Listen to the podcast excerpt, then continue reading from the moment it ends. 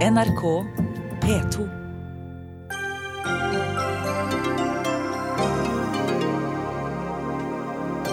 Stavanger-selskap hevder å tilby den beste kreftbehandlingen, og norske pasienter reiser til utlandet i et siste håp om bedring. Det de gjør, er å lure sårbare syke, mener Kreftforeningen. Legg ned utrykningspolitiet og gi oppgavene til politidistriktene, foreslår et utvalg. Det kommer til å rasere trafikksikkerheten på norske veier, advarer Trygg Trafikk. Facebook sier ja til videoer av aborter, så lenge de ikke viser nakenhet. Dette viser den absurde inkonsistensen Facebook legger til grunn for modereringa si, mener teknologiekspert. Og det er blitt lavere under taket i norsk debatt, mener redaktør i Aftenposten, etter massiv kritikk mot et innlegg fra Nina Karin Monsen.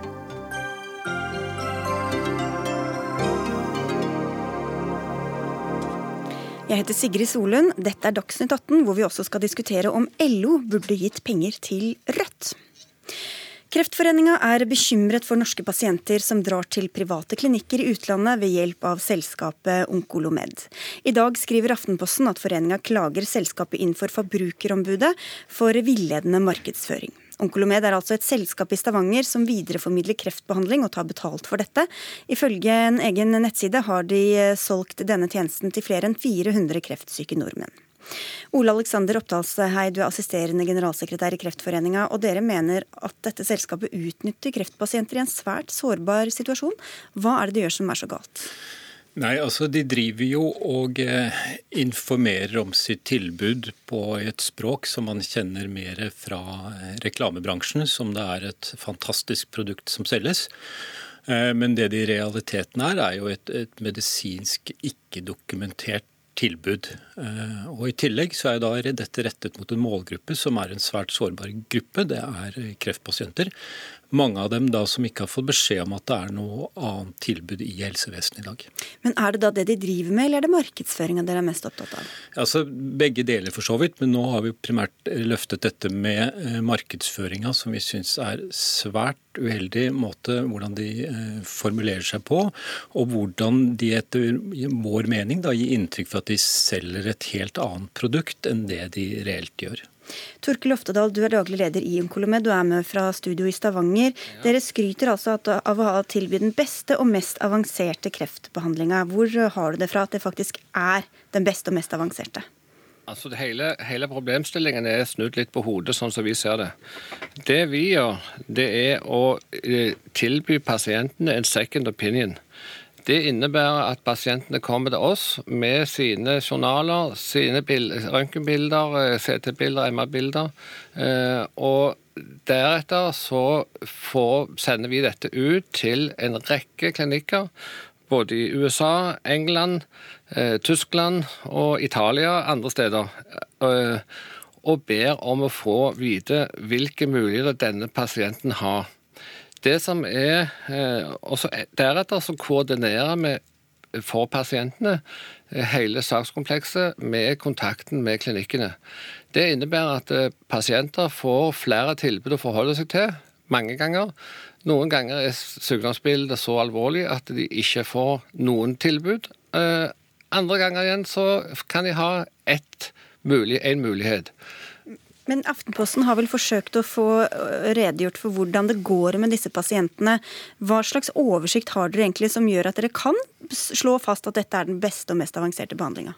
Ja, altså Vi jobber jo med behandlinger som er, som er vel anerkjent òg i Norge, som pasienter blir sendt ut av landet til, øh, eller fra, òg øh, i Norge. Bl.a. protonbehandling, der vi har flere klinikker vi jobber med.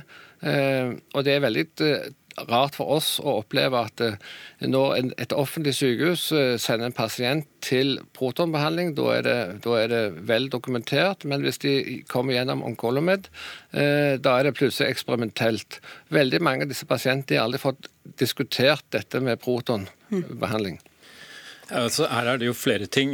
For å ta det siste først, så er det jo klart at behandling er jo tilpasset hvilken type kreftdiagnose man har. sånn at det kan jo være at en type behandling kan være vel dokumentert for én kreftbehandling ha en effekt der, mens det er uten effekt for en annen type kreftbehandling. Kanskje det bare forårsaker bivirkninger. Og Vi stiller jo også spørsmålstegn ved noen av disse, altså disse formuleringene på, på nettsidene. Bruk av eksperter, ledende kreftleger osv. Og, og vi føler det mangler jo en total dokumentasjon på eh, både hvem dere samarbeider med, og også da ikke minst, som Aftenposten nå har vist, hvordan det går med disse pasientene. Ja, hvordan, hvordan, kan dere påstå det? Det var litt det samme jeg spurte meg, når dere ikke vet hvordan det går med Nei, pasientene? Det, det, er litt, eh, det, er jo litt, rart å høre at ikke det, vi vet hvordan det går med pasientene. Eh, det Aftenposten har spurt om, det er for navnene på alle pasienter som har kommet gjennom oss, og det sier vi at det er helt uaktuelt.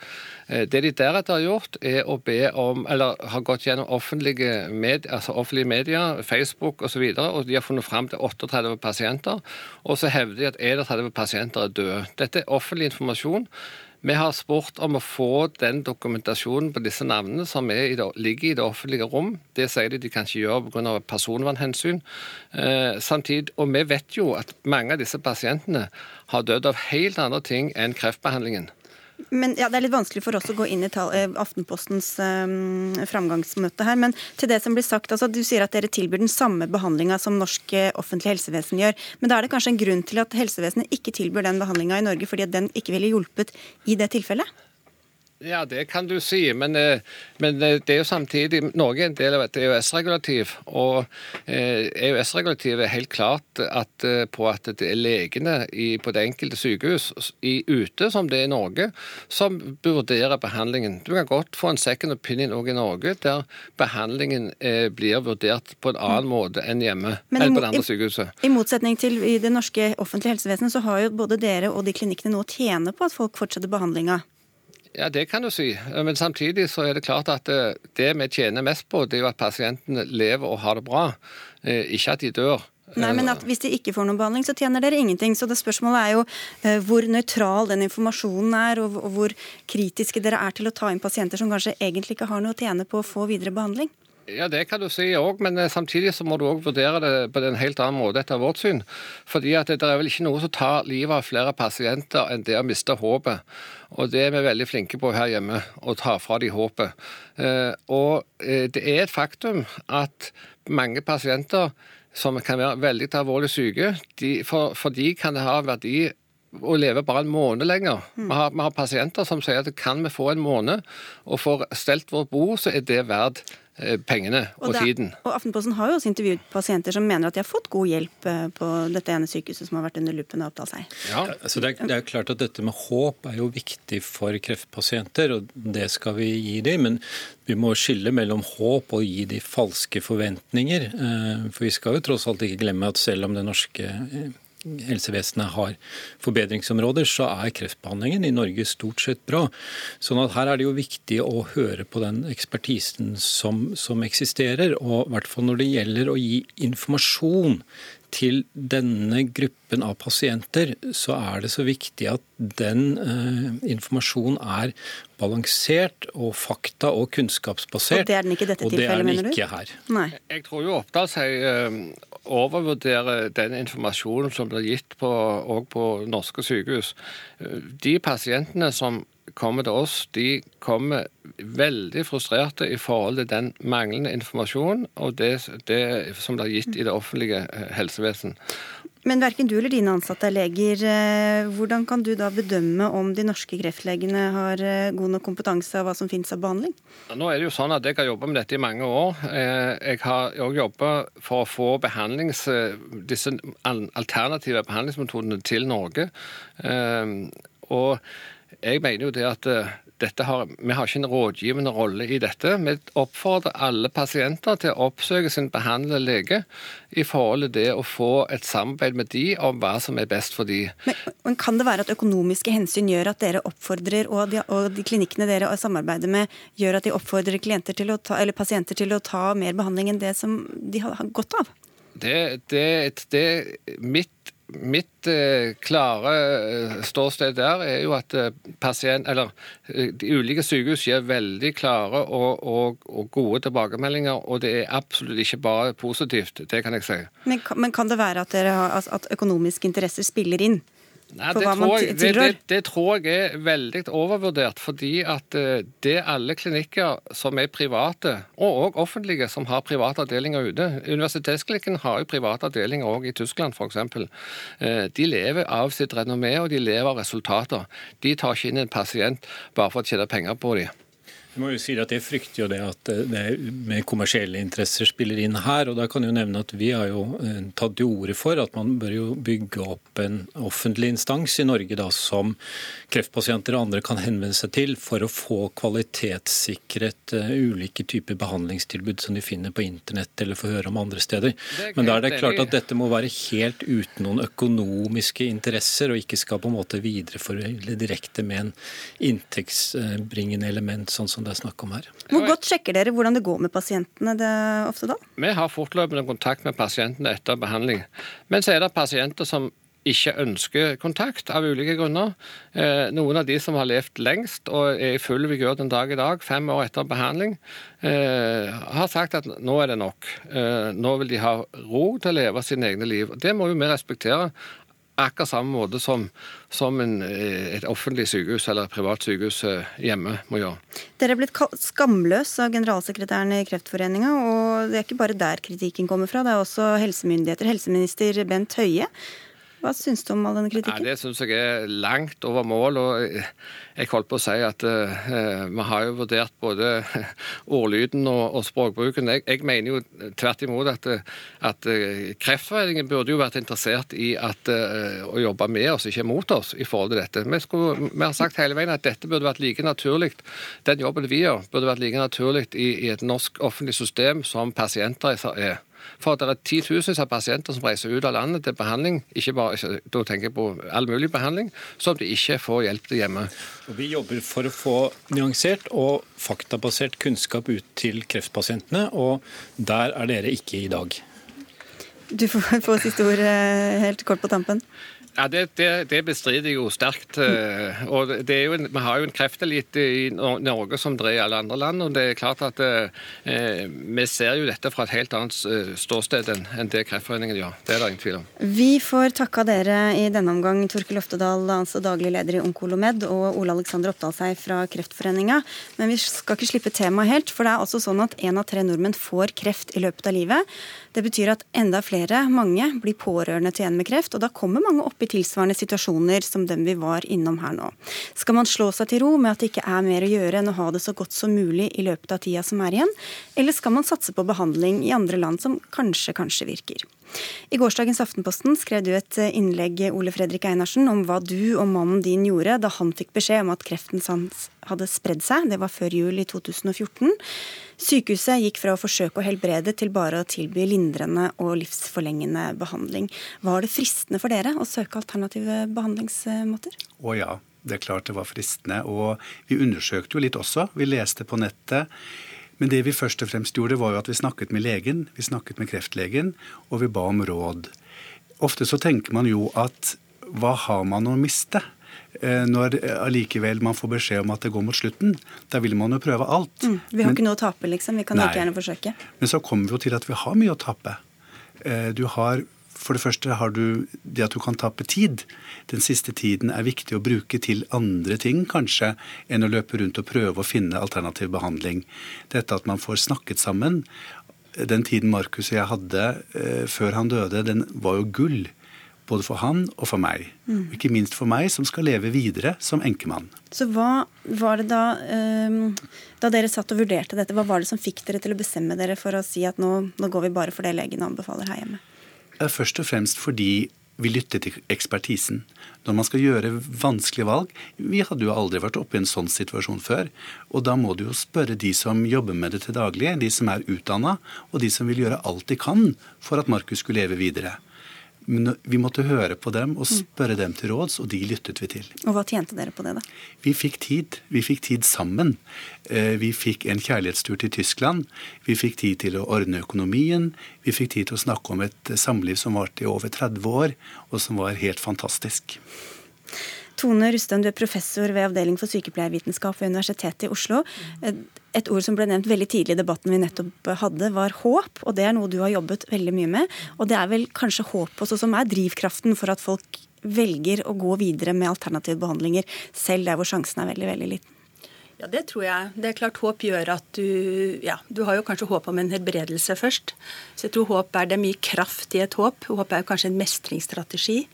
Så det, det, tror jeg. Så er jo utfordringen at det er ikke alltid at noen kanskje må ha hjelp til å finne et håp, til å, ja, til å finne styrken i håpet. Du, mm, du, har også holdt kurs for kreftpasienter om håp. Hvordan endrer da dette håpet seg fra de får beskjed om at de har kreft, og til at de vet at de har kort tid igjen å leve? Vi ser jo at håp endrer seg. altså Man går jo gjennom en sorgprosess når man er alvorlig syk, og at håpet da endrer seg kanskje etter hvert som man bearbeider den situasjonen man er i. Og håp er jo ikke bare knyttet til overlevelse. Det så vi veldig på pasientene også. At uh, håp kan være en, en, god dag, det kan være å dø med de man er glad i rundt seg. altså at det er sånn at det endrer seg etter hvert som man kanskje bearbeider den situasjonen man er i. Einarsen, hvordan var det for dere å gi opp håpet om at han skulle bli frisk? Ja, nei, Det var forferdelig. Eh, og det er klart Man gir vel aldri opp det håpet. Man håper vel hele tiden at det skal komme nye medisiner. Undre skjer.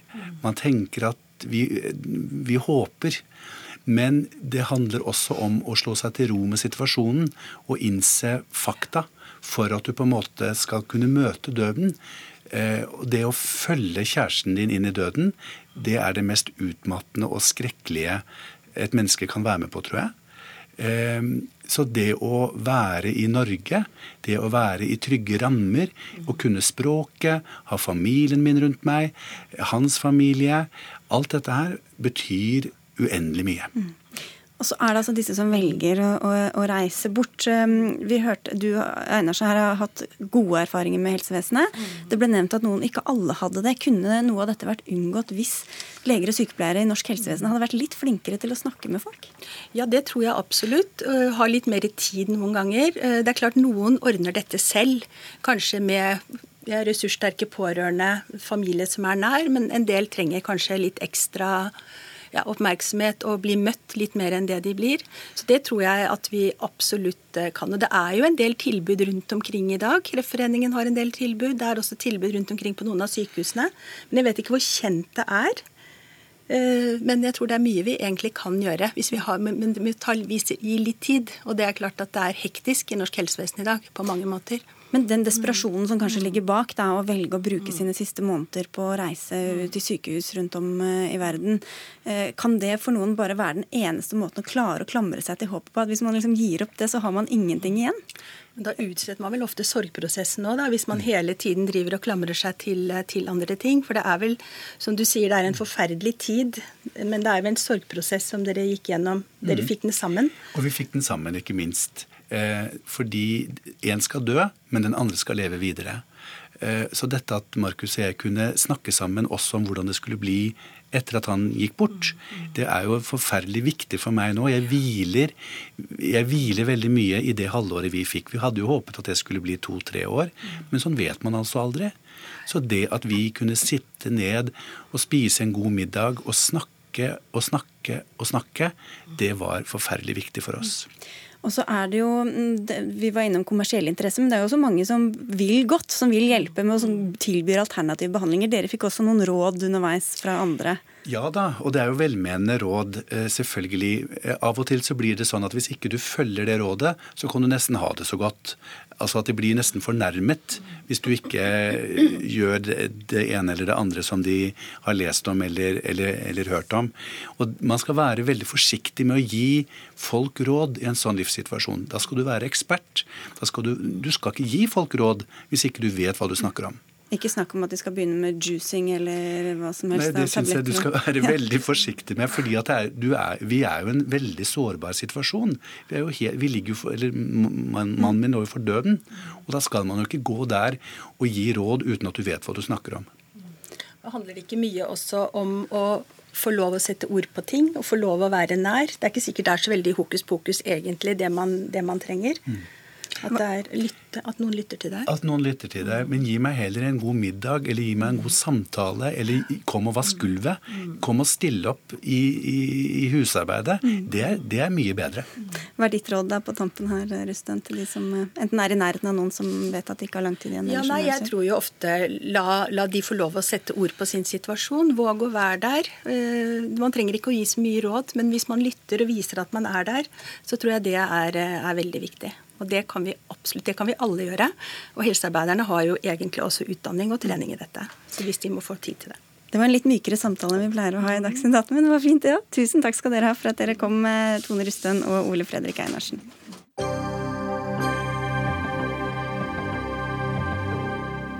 Da går vi over i vanlig modus, kan vi vel si. For et eh, offentlig utvalg vil avvikle dagens ordning med utrykningspoliti og overføre trafikkoppgavene til eh, politidistriktene.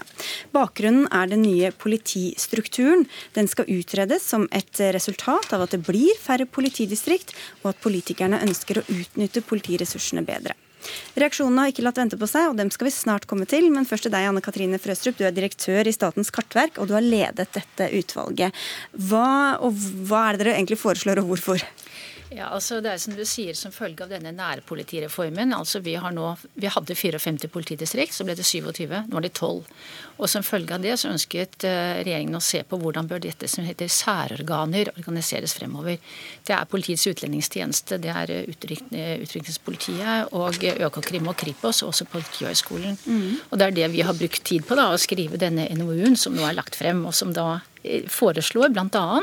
at vi vil styrke beredskapen og vi vil styrke Eh, nærpolitiet, altså distriktene, de tolv nye distriktene, ved at vi mener at de ressursene som er i utrykningspolitiet, som for øvrig gjør en veldig god jobb, men at eh, de skal overføres, ikke legges ned, men overføres til distriktene. Ok, Så antall ansatte skal spres utover landet? er det sånn ja, I dag er det rundt en 275-85 årsverk som Eh, UP-sjefen disponerer over, som kommer fra politidistriktene. Vi mener at de bør tilbakeføres til politidistriktene, slik at vi kan få en bedre, mer fleksibel innsats der. Du nikker til UP-sjefen, han skal få ordet straks, men vi skal først innom Bård Morten Johansen, som er seniorrådgiver i Trygg Trafikk. For dere var raskt ute og slo alarm og er bekymra for trafikksikkerheten. Hvorfor det? Jo, vi er ganske overbevist om det at eh, når eh, når eh, utrykningspolitiet legges ned og ressursen eh, flyttes til distrikt, så vil eh, faktisk vi vil se en nedprioritering av trafikkarbeidet hos politiet. Politiet er en viktig trafikksikkerhetsressurs. Da. Det er kanskje det aller mest effektive tiltaket vi har mot trafikkulykker i dag. Og vi har jo i lang tid sett en nedprioritering. Og nå hvis man da skal overføre ressursen også til andre områder innen politiet, så frykter vi faktisk at det vil gå flere liv i trafikken. Ja, altså, jeg mener at det baserer seg på noen eh, premisser ikke vi har lagt til grunn. da. For det første så er trafikksikkerhet eh, svært viktig. Og for det andre så er det altså ikke snakk om å nedprioritere.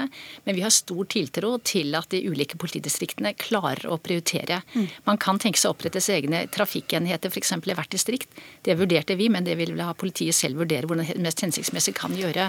Og bare for å si det, altså det politidistrikt som jeg hører til, da, eh, det heter jo Sør-Øst, de har fått tre prioriterte mål, og de leverer på alle de målene. Så dette er mulig å få til i det enkelte politidistrikt. Vi må vise dem den tilliten. Men bare, eh, Vi skal tilbake til det også, men som du sier, det, det fungerer jo bra i dag.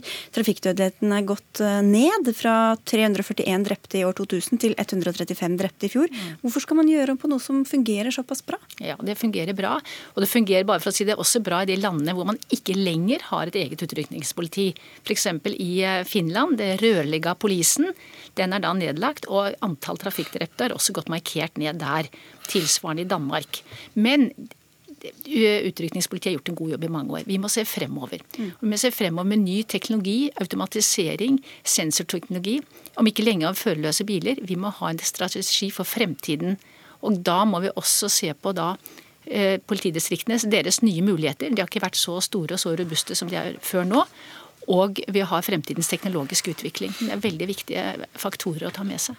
Rune Karlsen, du, nå skal du få ordet, du er UP-sjef. Hva betyr dette i praksis for den jobben dere gjør dersom dette forslaget blir realitet? Vi er overrasket over at uh, forslaget kom. Uh, Politiinnsatsen i Norge er en rollemodell for uh, andre europeiske land. Vi har den beste ulykkesutviklingen i hele Europa. Vi har per i dag Europas tryggeste veier målt i antall drepte per million innbygger. Til tross for at vi har veldig krevende kjøreforhold og heller ikke så gode veier overalt. UPs innsats sikrer en minsteressurs av politi på landeveiene i Norge.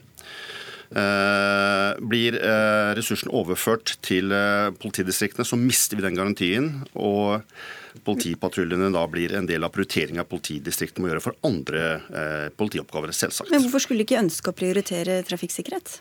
Det er så mange prioriteringer politidistriktene har, og erfaringen gjennom mange, mange år har vist at uh, trafikksikkerhetsarbeidet er en nedprioritert uh, oppgave. Og så er det en, forbundet med en høy risiko når man har en modell som virker så godt som den gjør. UP har innsatsen på landeveiene, politidistriktene har i sentrum. Eh, denne innsatsen har virket i mange mange år. Og I tillegg så vil jeg også legge til at, UP, at UP har eh, en innsats på veien som sikrer da hverdagsberedskapen i Norge. Men Det er ikke så rart at UP vil beholde sin egen eh, struktur, kanskje. Men Johansen, hvorfor stoler ikke dere på at politidistriktene ikke klarer denne jobben uten en sånn sentral styring? Det er jo først og fremst erfaringsbasert. Vi har jo sett en nedbygging av trafikkarbeidet i politiet på distrikt. Det er blitt færre som er dedikert til jobben. Og når man da skal betjene et såpass risikofylt område, og som også krever så vidt eh, spesiell kompetanse over tid, så må man ha et, eh, et nasjonalt ledd som styrer det her.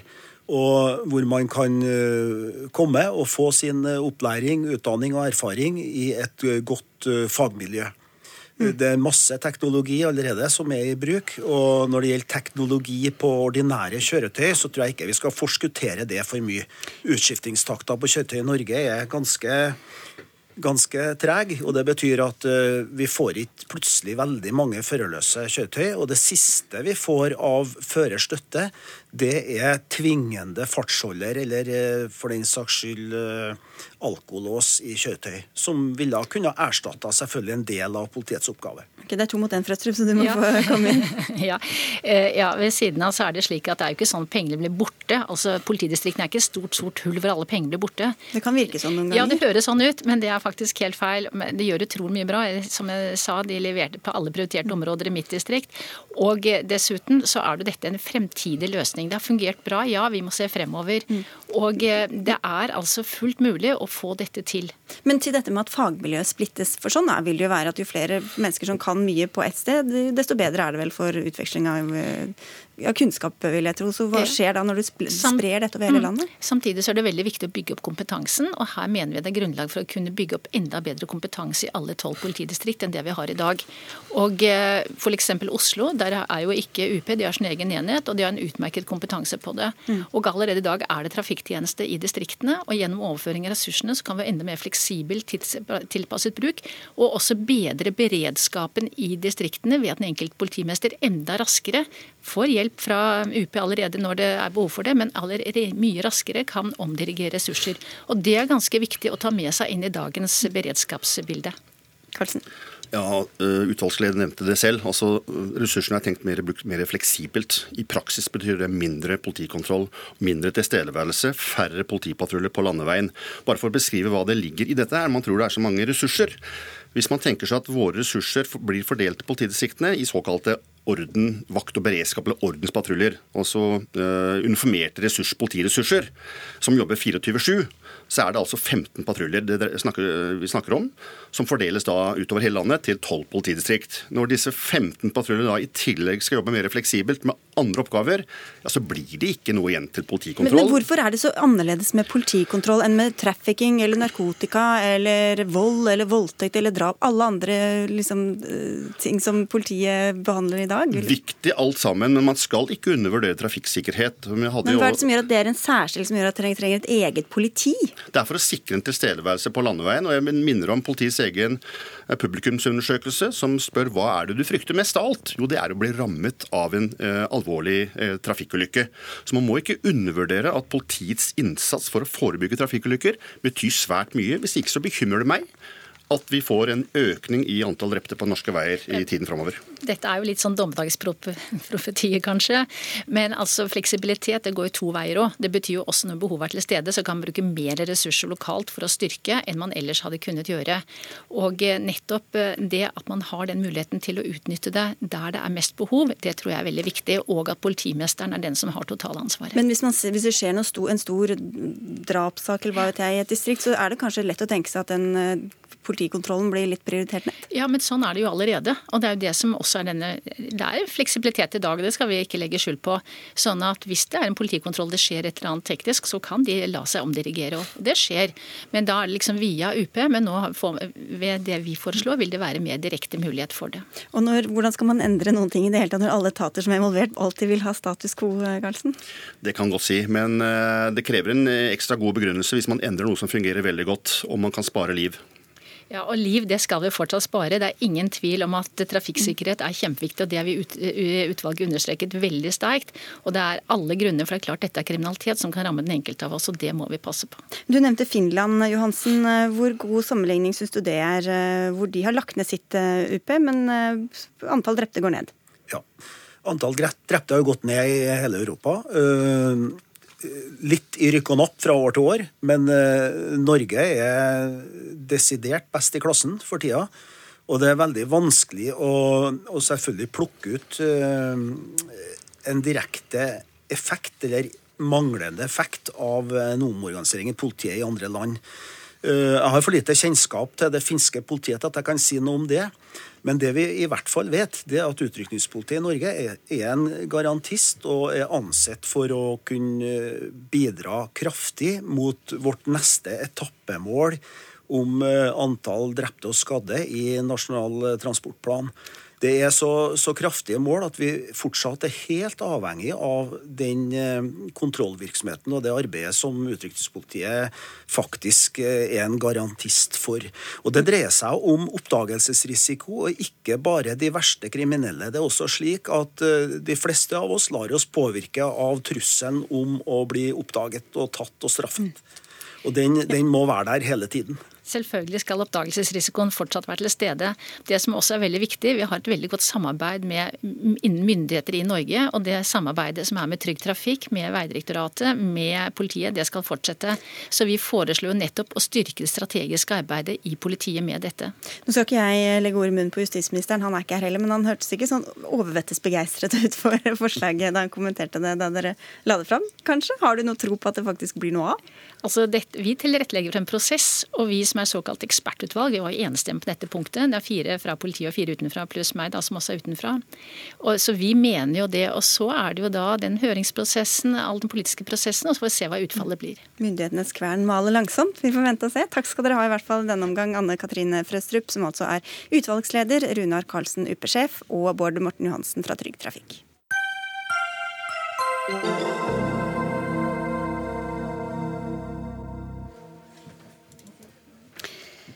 Skal vi se da var vi her. Eh, videoer av voldelige dødsfall må ikke nødvendigvis fjernes, men bilder som viser eh, nakne bryst som ammer et barn, skal slettes. Henger det på greip?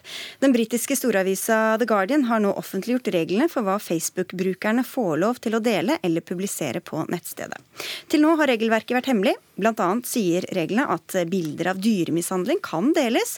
Kun ekstremt opprørende bilder skal fjernes. Samtidig er videoer av dyremishandling forbudt. Videoer av aborter er tillatt så lenge de ikke viser nakenhet. Facebook vil tillate folk å direktesende forsøk på selvskading fordi de ikke vil sensurere eller straffe personer i nød. Teknologiekspert og daglig leder av kommunikasjonsbyrået Coxit PR, Magnus Brøyn, Facebooks retningslinjer for moderering sier altså at videoer av voldelige dødsfall ikke nødvendigvis må fjernes, i motsetning til et nakent bryst. Henger dette på greip? Altså, Det er jo øh, det er klart øh, en kompleks materie Facebook skal forholde seg til i over 200 land og mange tusen kulturer og språk. Så på et eller annet tidspunkt så er det lett å gå seg vill. Men det er samtidig Facebooks fordømte oppgave med to milliarder brukere å forsøke å lose seg selv mm. og sine egne moderatorer gjennom dette på en måte som ikke skaper et hav av paradoksale inn konsistente vurderinger. Og det syns jeg disse avsløringene viser oss at de langt på vei har klart å skape. Vi får høre med deg, Jon Eslås. Du er advokat og har jobba mye med ytringsfrihet og med medier. Du sier at det er positivt at Facebook ikke sensurerer mer enn det de gjør? Ja, altså, Vi vet jo ikke eller ja, Vi kan jo se hva som plutselig blir borte og ikke borte. Men er, vi begynner jo etter hvert nå å se litt mer av hva slags retningslinjer som sagt, disse moderatorene deres eh, er underlagt. Altså, du kan si Det jeg syns er positivt, er at det siste, selv om det er noe kan virke litt merkelig og selvmotsigende, i hvert fall lest som retningslinjer, det er jo at det viser jo at de ikke har valgt siden enkleste veien, da, med å bare å ta bort alt som kan være litt kontroversielt, og lage det til sånn rosa blogg. Eh, nå tror jeg de har kommersiell interesse i det også, for det er veldig mange som hadde forsvunnet derfra hvis mm. ikke de fikk lov å debattere ordentlige ting. Men, men det viser jo at de egentlig for det første så har de innsett internt at de har et slags redaktøransvar. Eh, selv om Zuckerberg har prøvd å si at nei, vi er ikke redaktører, vi tilbyr bare, bare en plattform. Men de sliter jo på en måte litt med det dere i de alminnelige mediene gjør hver dag. Dere må også vurdere hva dere skal publisere av bilder osv. Dere kan jo publisere ganske sterke ting av og til, mm. men hvor konteksten forsvarer det og gjør det nødvendig, selv om det kan sjokkere noen. Men hvor dere kanskje aldri ville publisert de samme bildene i en annen kontekst. Eh, det er det de jobber med. Og som, som, Magnus var inne på her, de skal altså forholde seg til en hel verden med masse forskjellige kulturer og rettskulturer. Og de har jo et potensielt juridisk ansvar også for, eh, for hva brukerne legger ut. Men er det ikke da litt rart at de viser voldelige dødsfall og dyremishandling og selvskading og aborter?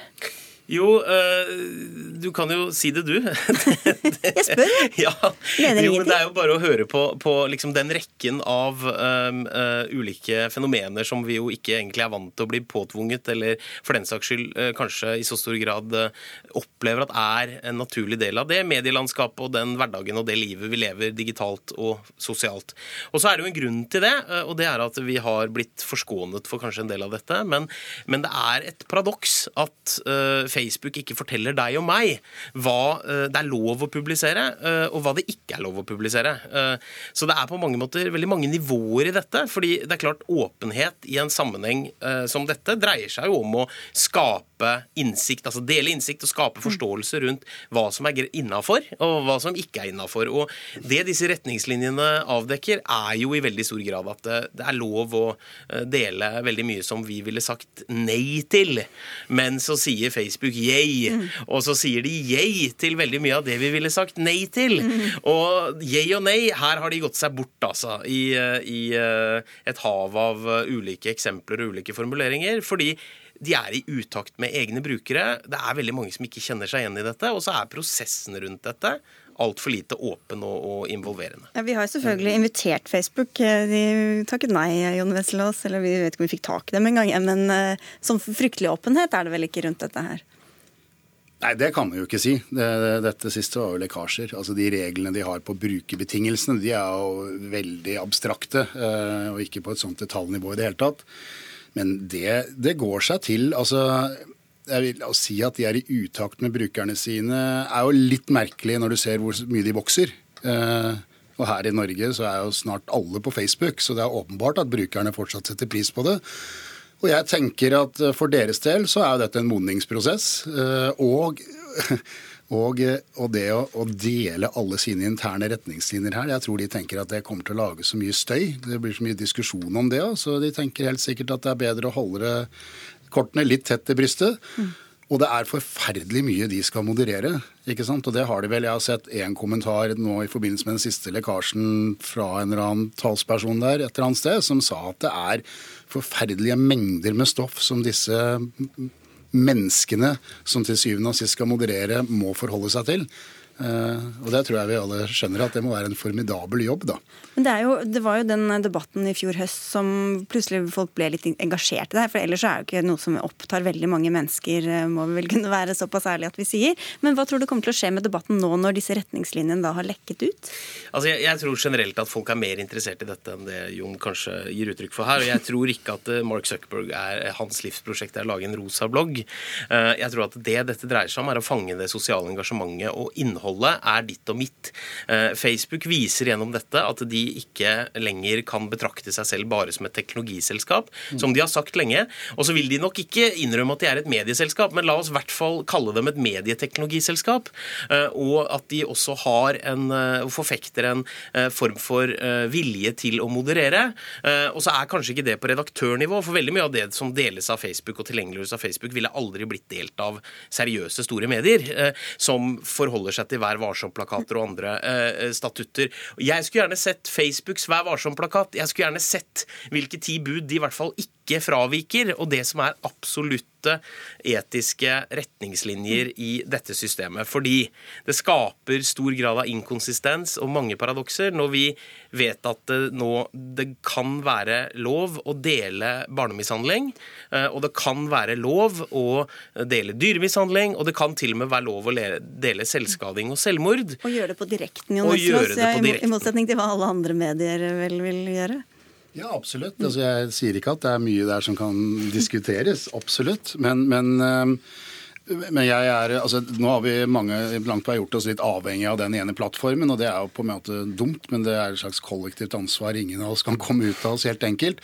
Men, men jeg tror vi også må bare forstå at hvis, skulle, hvis, de skulle begynne å publisere en slags Vær varsom-plakat for Facebook-brukere som var litt mer eh, konkret enn de brukerbetingelsene, så vil jo de bli gjenstand for diskusjon i veldig mange kulturer i verden, hvor folk har helt forskjellige meninger. Og det, jeg syns det hadde vært verre hvis Facebook ble brutt ned til å bli regional, sånn at du ikke kunne kommunisere på samme plattform med folk som var i Asia eller andre steder i verden hvis du bodde i Europa. Eh, jeg tror det er bedre at de holder et nivå som kan aksepteres foreløpig i store deler av verden, og så la det gå seg til sakte, men sikkert. Nå har vi fått et lite innblikk, så får vi se hvor debatten bærer videre. Takk skal dere to ha, mine herrer. Magnus Brøyn og Jon Wesselås. Hør Dagsnytt 18 når du vil. Radio NRK Radio.nrk.no.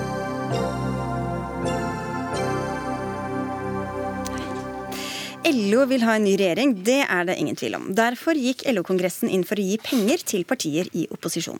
Arbeiderpartiet, Senterpartiet og SV får støtte fra Landsorganisasjonen, men ikke partiet Rødt. Men var det sånn at grasrota i LO egentlig ville gi penger til Rødt, men ble sablet ned av ledelsen? Mari Eifring, du er partisekretær i Rødt. Og hva er inntrykket du sitter igjen med etter at du har snakka med delegater på kongressen?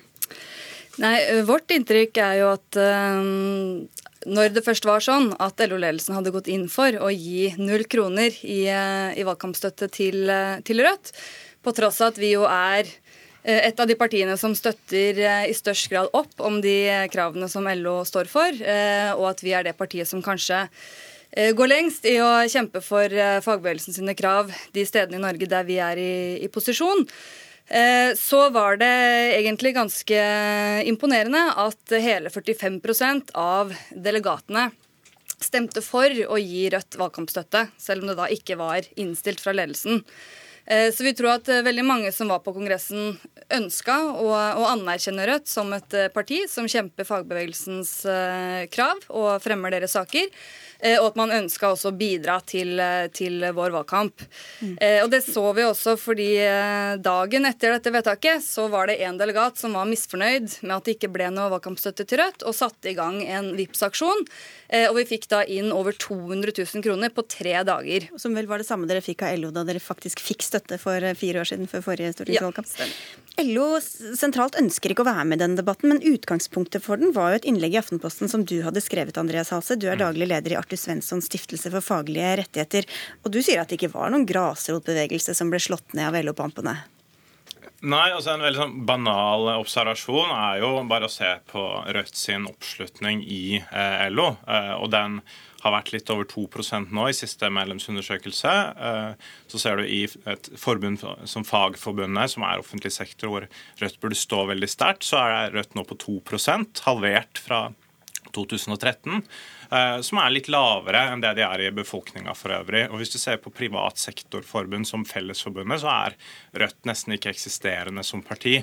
Eh, så det LO-kongressen gjorde, var å si det samme som, eh, som LO-medlemmene, nemlig at man ikke støtter Rødt. Men hvor mange er det som støtter Senterpartiet, da? Det kan jo være at man ønsker å gi penger til et parti selv om ja, man ikke støtter det? Ja, det er 11 I LO? I LO.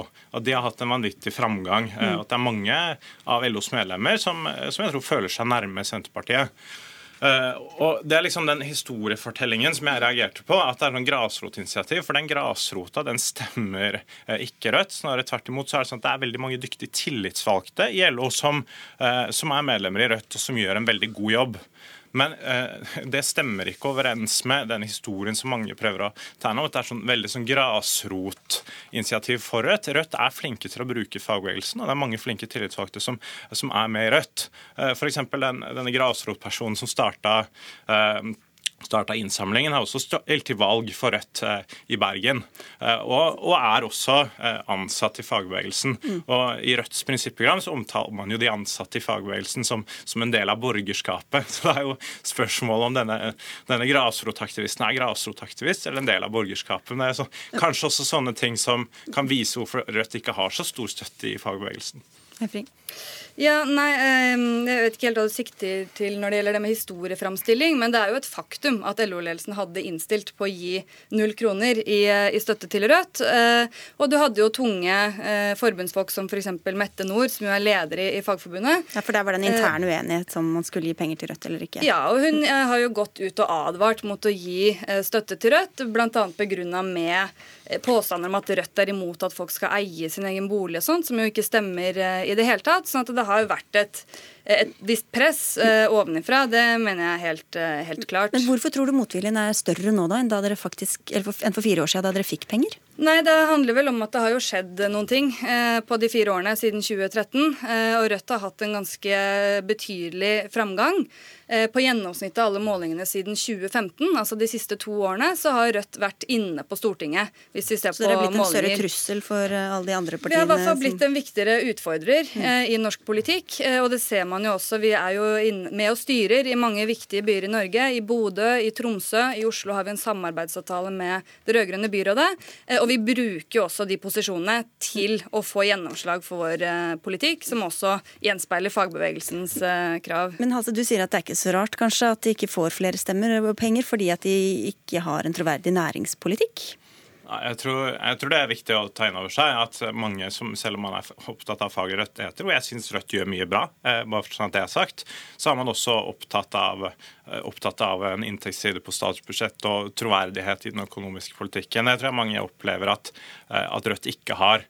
Eh, og Derfor kan man også se som, som at forrige, forrige, valg så bodde over 50% av Rødts velgere i, eh, i, Oslo. Men det jeg også tror er viktig å erkjenne, eh, det er at Rødt, selv om Rødt har hatt framgang nå, det har de Jeg tror Bjørnar Moxnes kan komme til å ende opp, på, ende opp på Stortinget, men den framgangen har ikke skjedd blant LOs medlemmer. Og for mange så, som rekrutterer i fagbevegelsen, så er det allerede en belastning at man gir penger til Arbeiderpartiet og SV. Det er i konkurranse konkurranse mot andre, andre forbund, hvor den tilknytningen er for sterk. Hvis man i tillegg skulle, eh, skulle støtte valgkampen til, til, et parti som, eh, som Rødt, så ville, fått, så ville, det blitt enda vanskeligere for mange i fagbevegelsen som jobber med å, eh, med å rekruttere. Så for meg så er det her også en sak som handler om å sette fagbevegelsen foran politiske partier.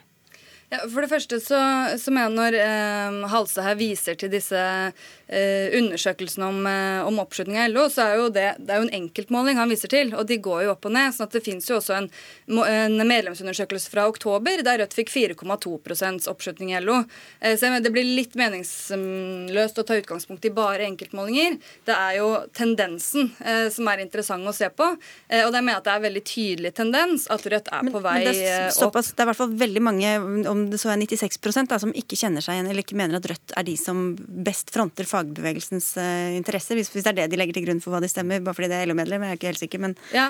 Nei, altså det er klart, vi har jo, Rødt har fortsatt en, en vei å gå, uh, det anerkjenner også jeg, når det gjelder å bli et, uh, et større parti. Men når det gjelder det med næringspolitikk, så, så er jo det bare tull. Altså Rødt har jo jobba aktivt med næringspolitikk i veldig mange år. Samarbeida både med fagmiljøer og med fagbevegelsen om hvordan vi kan mm. bygge opp en klimavennlig grønn grønn industri framover. Det er en av Rødts viktigste men, saker. Men hvorfor skulle noen, et forbund eh, som jobber i privat sektor i LO, ønske å gi penger til partiet Rødt? Jeg mener at medlemmer eh, i fagbevegelsen i privat sektor også har stor interesse av veldig mange av de sakene som vi, eh, som vi jobber for. F.eks. en rettferdig pensjon, som er et viktig krav for Rødt, og som også veldig mange delegater på LO-kongressen er veldig opptatt av. Eh, og Det er jo en type sak hvor det er veldig viktig at man har en utfordrer som Rødt. For der har jo Arbeiderpartiet gått i spissen for en pensjonsreform som kutter i pensjonen til sliterne. Også dere i SV og du, Andreas, må jo være enige at det er bra at man får utfordrere som setter det på dagsorden.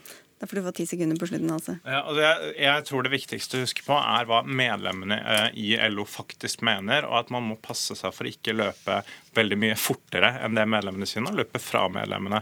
Medlemmene stemmer ikke Rødt, og da bør du sitte langt inne og sponse valgkampen til Rødt. Og det gjorde de jo heller ikke. og LO skulle gjerne hatt den, men de ville altså ikke komme. Takk skal dere ha begge to, Mari Eifring fra Rødt og Andreas Halse fra Arthur Svenssons stiftelse for faglige rettigheter.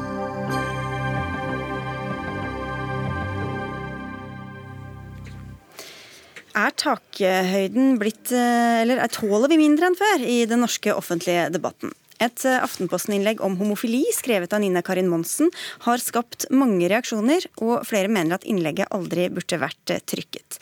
Dette får deg til å spørre om takhøyden er blitt lavere, Erik Tornes, du er debattredaktør i Aftenposten. Men hvorfor er det reaksjonen på at dere får kritikk mot et innlegg dere har trykket?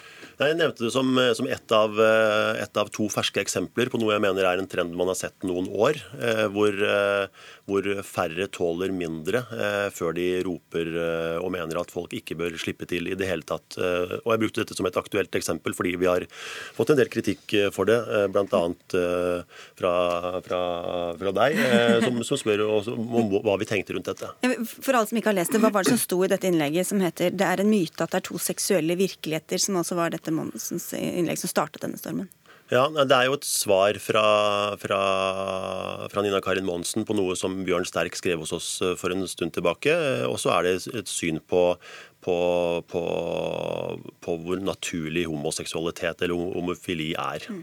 Vi har eh, bare for å ha sagt det, vært i kontakt med Nina Kari Monsen. Hun hadde ikke mulighet til å være med, men eh, vi kan jo prøve å holde oss til prinsippene og ikke gå for langt inn i innlegget hennes. Men likevel, eh, Hedda Susanne Moland, du er masterstudent ved Universitetet i Oslo, og en av dem som tok til motmæle mot dette innlegget, og mener at det ikke burde vært publisert. Hvorfor ikke det? Uh, nå må jeg om, si, omskrive det med en gang, for det stemmer ikke helt at jeg ikke mener at det burde vært publisert.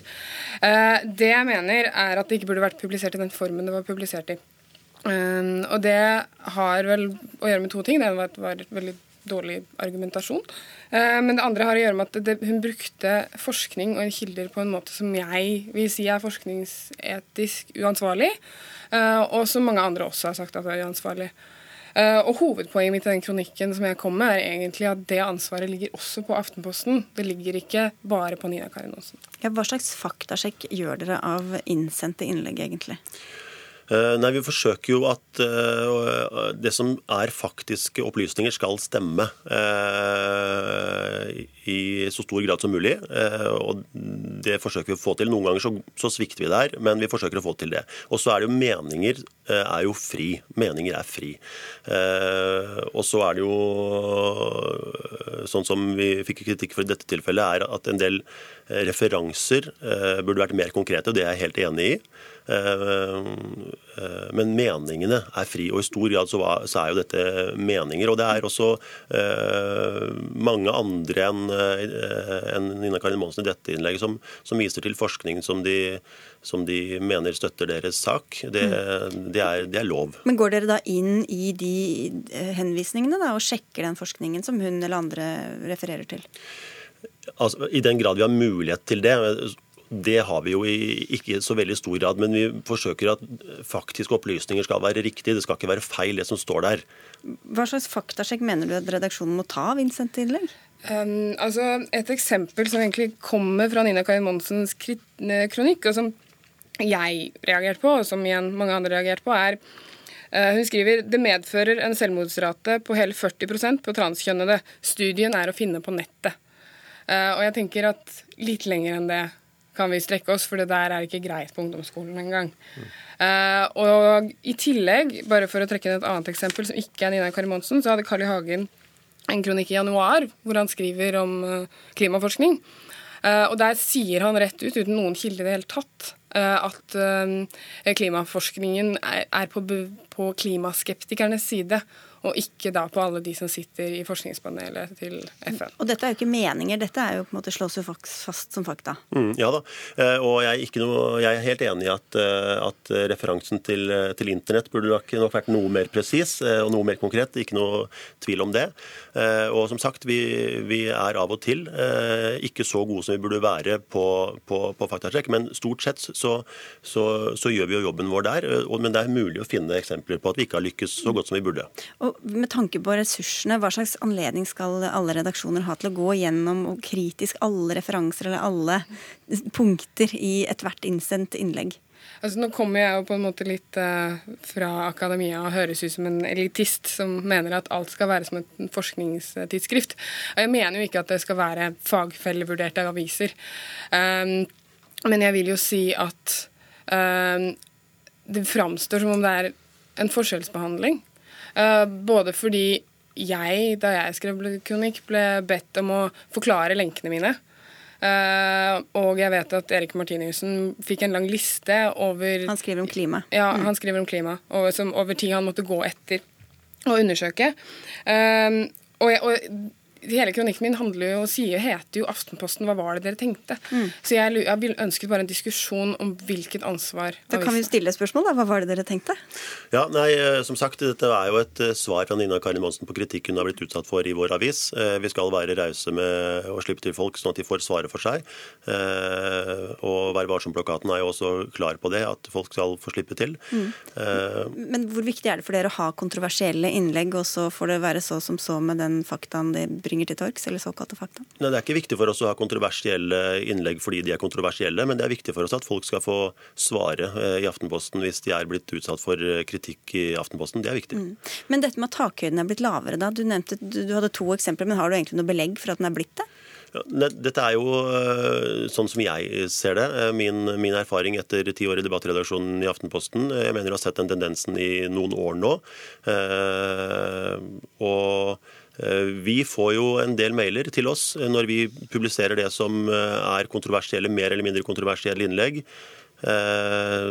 Senest for noen dager siden så var det en av debattantene våre som ble oppringt Eh, hun fikk beskjed om at eh, den som ringte til henne, ville slutte å abonnere på Aftenposten fordi var, hun var uenig med det vedkommende hadde skrevet. Så Vi får en del eksempler på dette. Jeg tror jo at dette har litt med, med, med Facebook og algoritmer å gjøre. Man er mindre vant til nå å bli eh, konfrontert med ting man ikke er enig, enig i.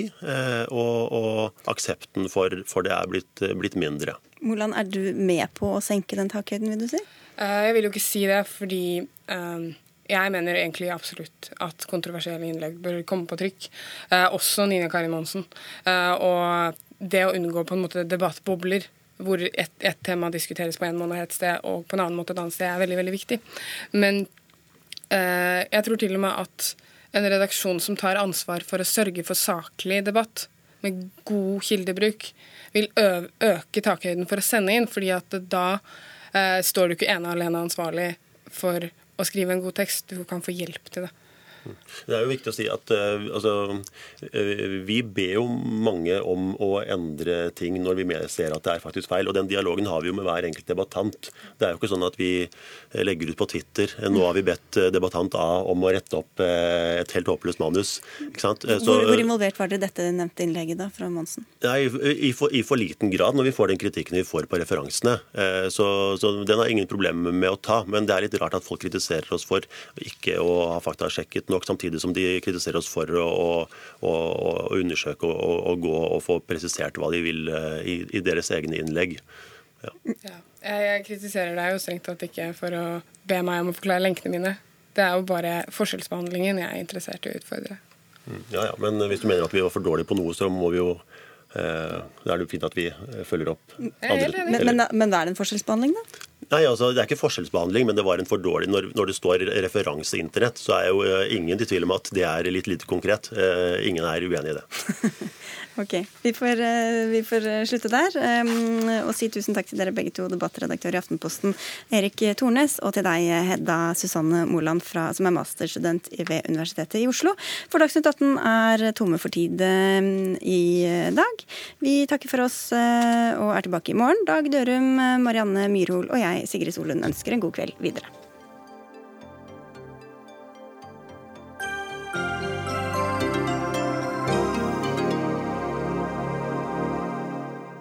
Hør flere podkaster på nrk.no podkast.